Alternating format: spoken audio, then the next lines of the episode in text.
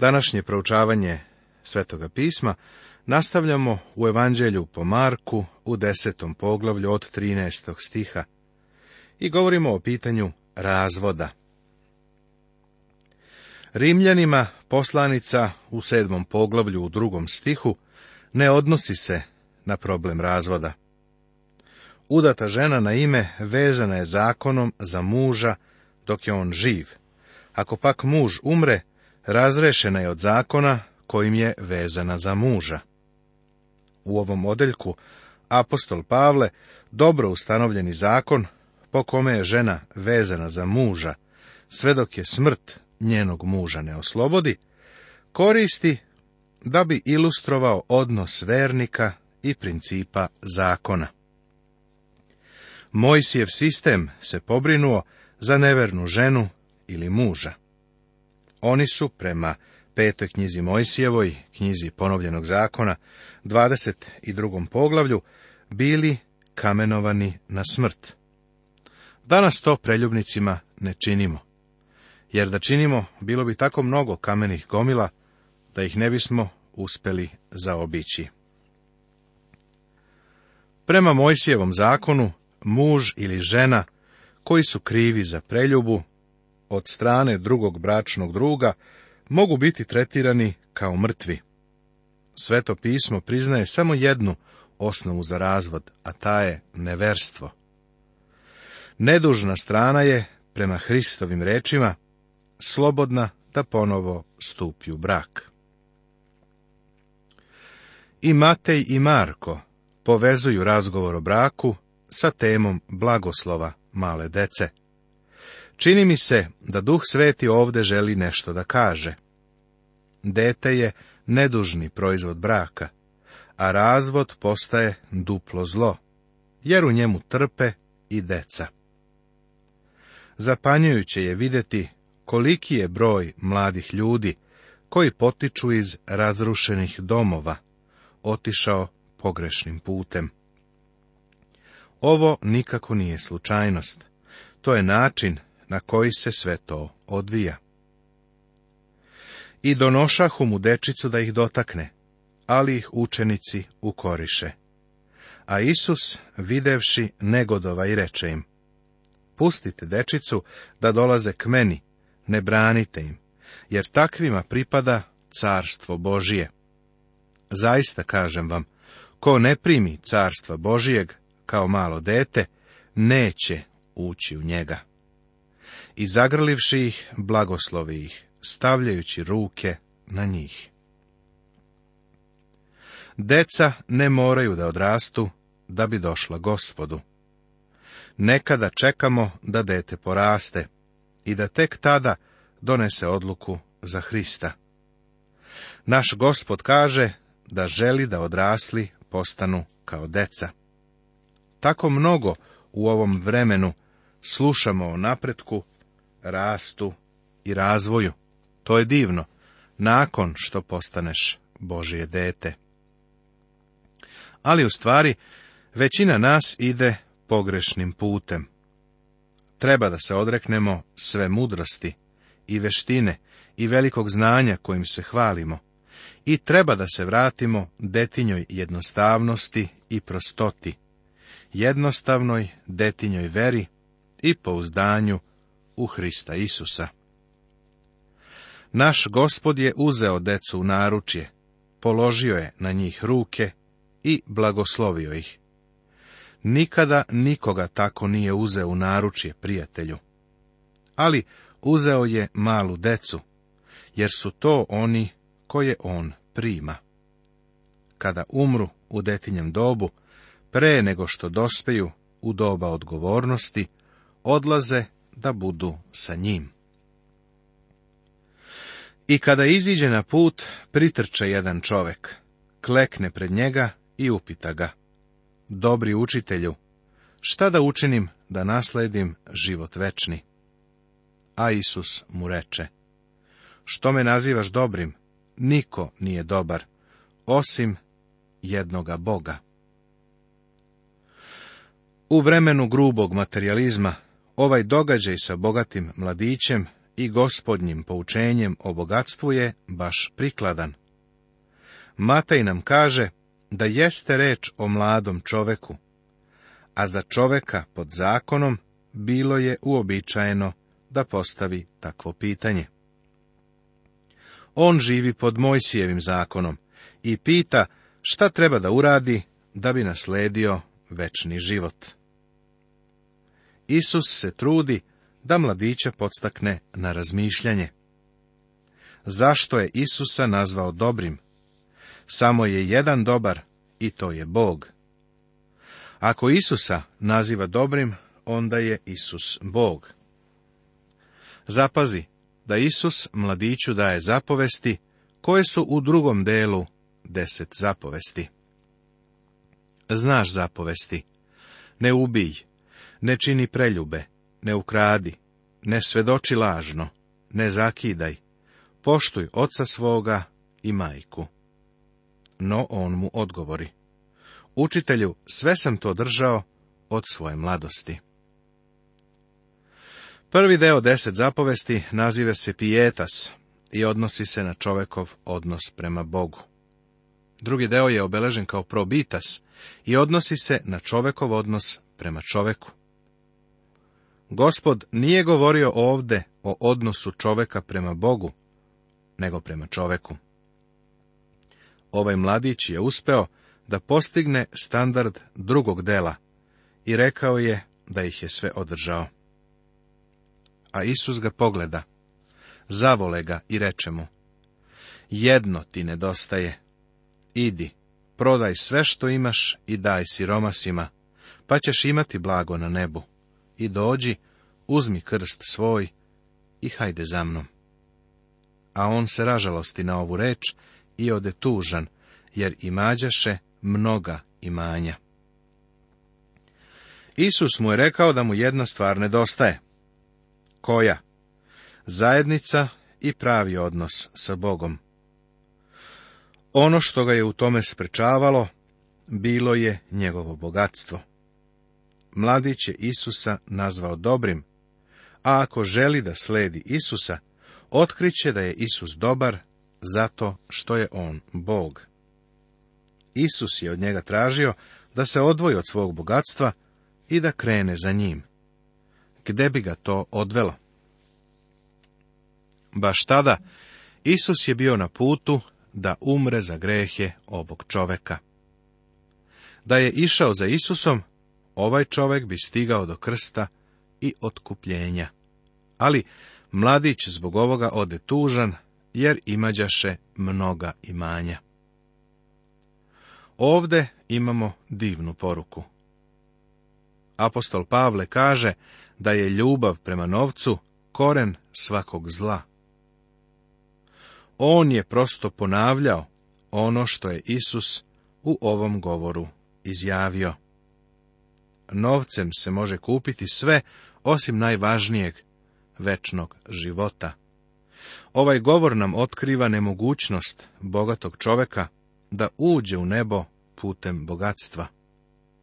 Ni jednom čoveku nije moguće da svojim sredstvima dospe do neba.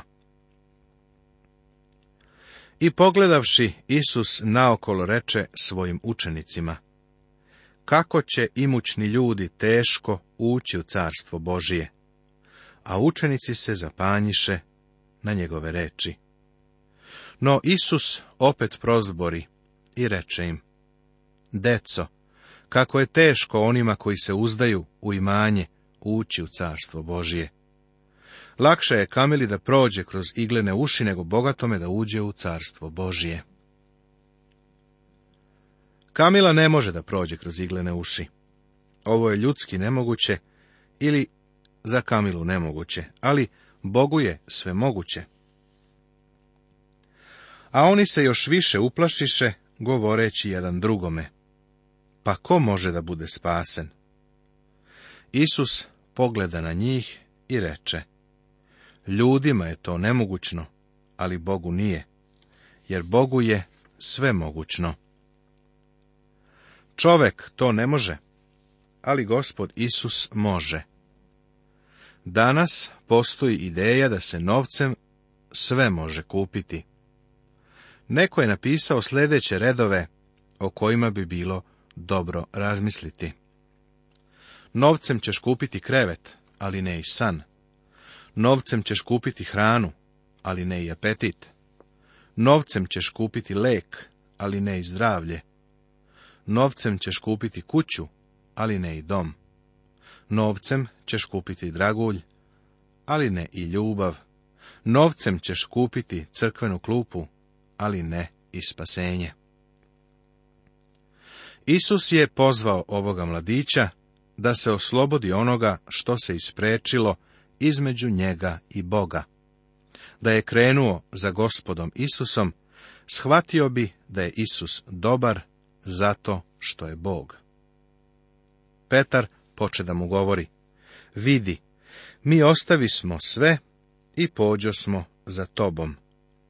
Isus pak odgovori i reče, zaista kažem vam, nema nikoga ko ostavi kuću ili braću ili sestre ili majku ili oca ili decu ili njive radi mene i radi evanđelja a da ne primi sad stostruko. U ovo vreme kuće i braću i sestre i majke i decu i njive uz proganjanja, a u budućem svetu večni život. Umesto da ukori Petra, Isus obećava nagradu onima koji se zbog njega budu žrtvovali. No mnogi prvi bit će posljednji i posljednji prvi. Ovo je princip koji će funkcionisati pri nagrađivanju. A kad behu na putu, ulazeći u Jerusalim, iđaše Isus pred njima i čuđahu se, a koji iđahu za njima, bojahu se. I uzevši opet dvanaestoricu, poče im govoriti šta će se njemu dogoditi. Evo, idemo gore u Jerusalim, i sina čovečijeg predaće prvosveštenicima i književnicima, pa će ga osuditi na smrt i predati ga mnogobošcima, i narugaće mu se, ispljuvaće ga, šibaće ga i ubiće ga, a posle tri dana vaskrsnuće. Vidiš, on se sada uputio u Jerusalim. On zna i on učenicima govori da tamo ide da umre. Ponovo obrati pažnju na to da uz svoju smrt uvek spominje i vaskrsenje. I priđoše mu Jakov i Jovan, Zevedejevi sinovi, govoreći mu, Učitelju, hoćemo da nam učiniš što te zamolimo. A on im reče, Šta hoćete da vam učinim? Oni mu pak rekoše, daj nam da sednemo jedan tebi s desne strane, a drugi s leve, u slavi tvojoj. No Isus im reče, ne znate šta tražite. Možete li ispiti čašu koju ja pijem, ili krstiti se krštenjem kojim se ja krštavam? Sećaš se da smo ovu priču imali i u Mateju. Jedna majka je došla kod Isusa i tražila povlastice za svoje sinove. Kada ih je Isus upitao da li mogu da se krste istim krštenjem koje će on sam pretrpeti, odgovorili su da mogu. Oni mu odgovoriše, možemo. Tada im Isus reče, čašu koju ja pijem pićete i bit ćete kršteni krštenjem kojim se ja krštavam ali sesti meni s desne ili leve strane, to ne dajem ja, nego pripada onima kojima je pripremljeno. Znamo da je Jakov postao mučenik. Jovan je bio proteran na ostravo Patmos. Iako se ne veruje da je i on mučenik, možda i jeste bio pogubljen. To ne znamo. Gospod nije rekao da sa njegove desne i leve strane nema mesta. On je samo rekao da on to mesto nikome ne daje proizvoljno, kako želi. Ali oni koji će ta mesta primiti, treba da se zato pripreme. Prijatelju, nebo dobijaš kao dar, ali za mesto u nebu sam se trudiš spasenje je besplatno, slobodno, ali za nagradu radimo. Ako želiš da te gospod nagradi, nećeš to postići vrteći palčeve, ili kršeći ruke, ili sedeći u stolici na ljuljanje. Morat ćeš da se potrudiš da bi to primio.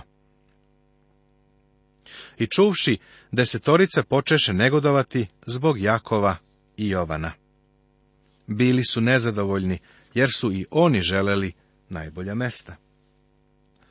Zato je gospod morao da ih nauči sledeći princip.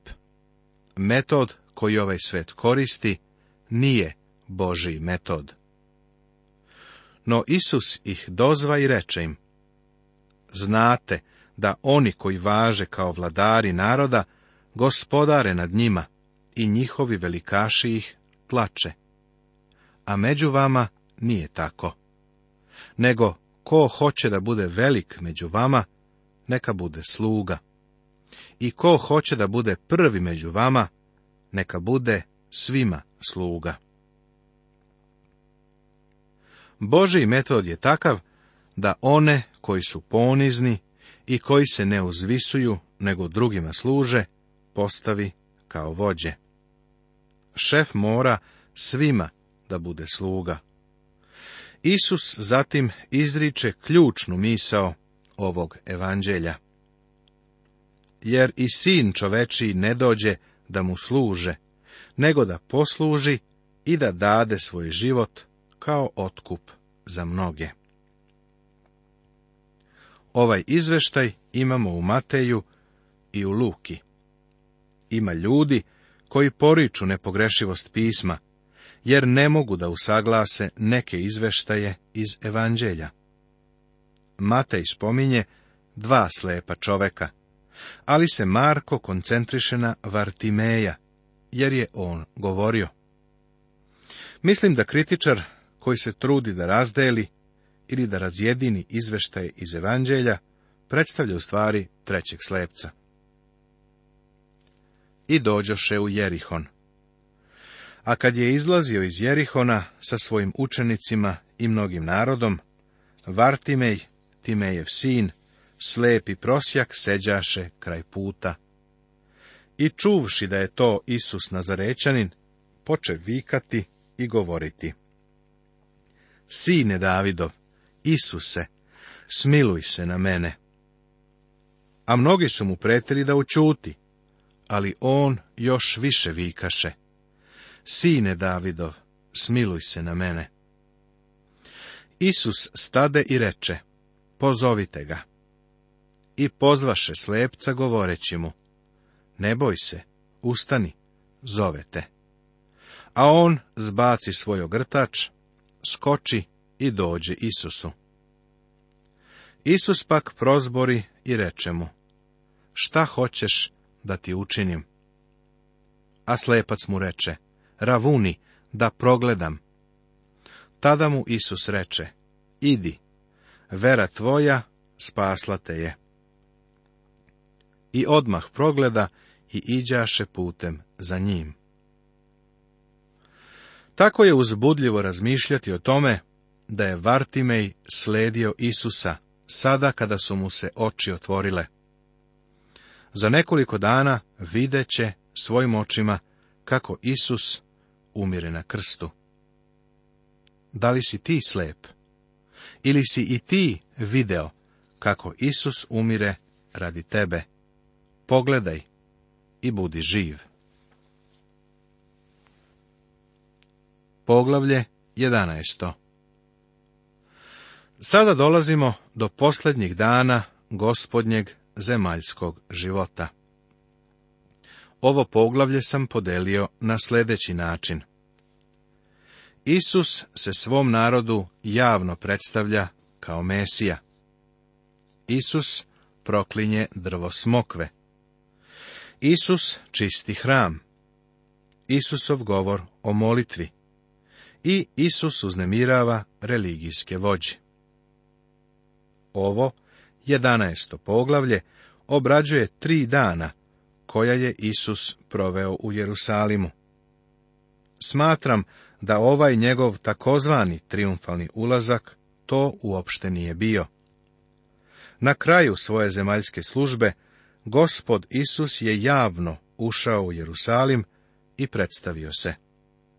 Sve u svemu, njegovu ponudu ljudi su odbili. Isus je u stvari dolazio tokom tri dana, a ne samo jednoga dana. Mislim da svako evanđelje daje drugačiji aspekt njegovog ulaska u Jerusalim. Kada je prvi put došao, bila je subota. Vratio se u nedelju i očistio hram. Onda je ponovo došao u ponedeljak i plakao nad gradom. Nastavit će se.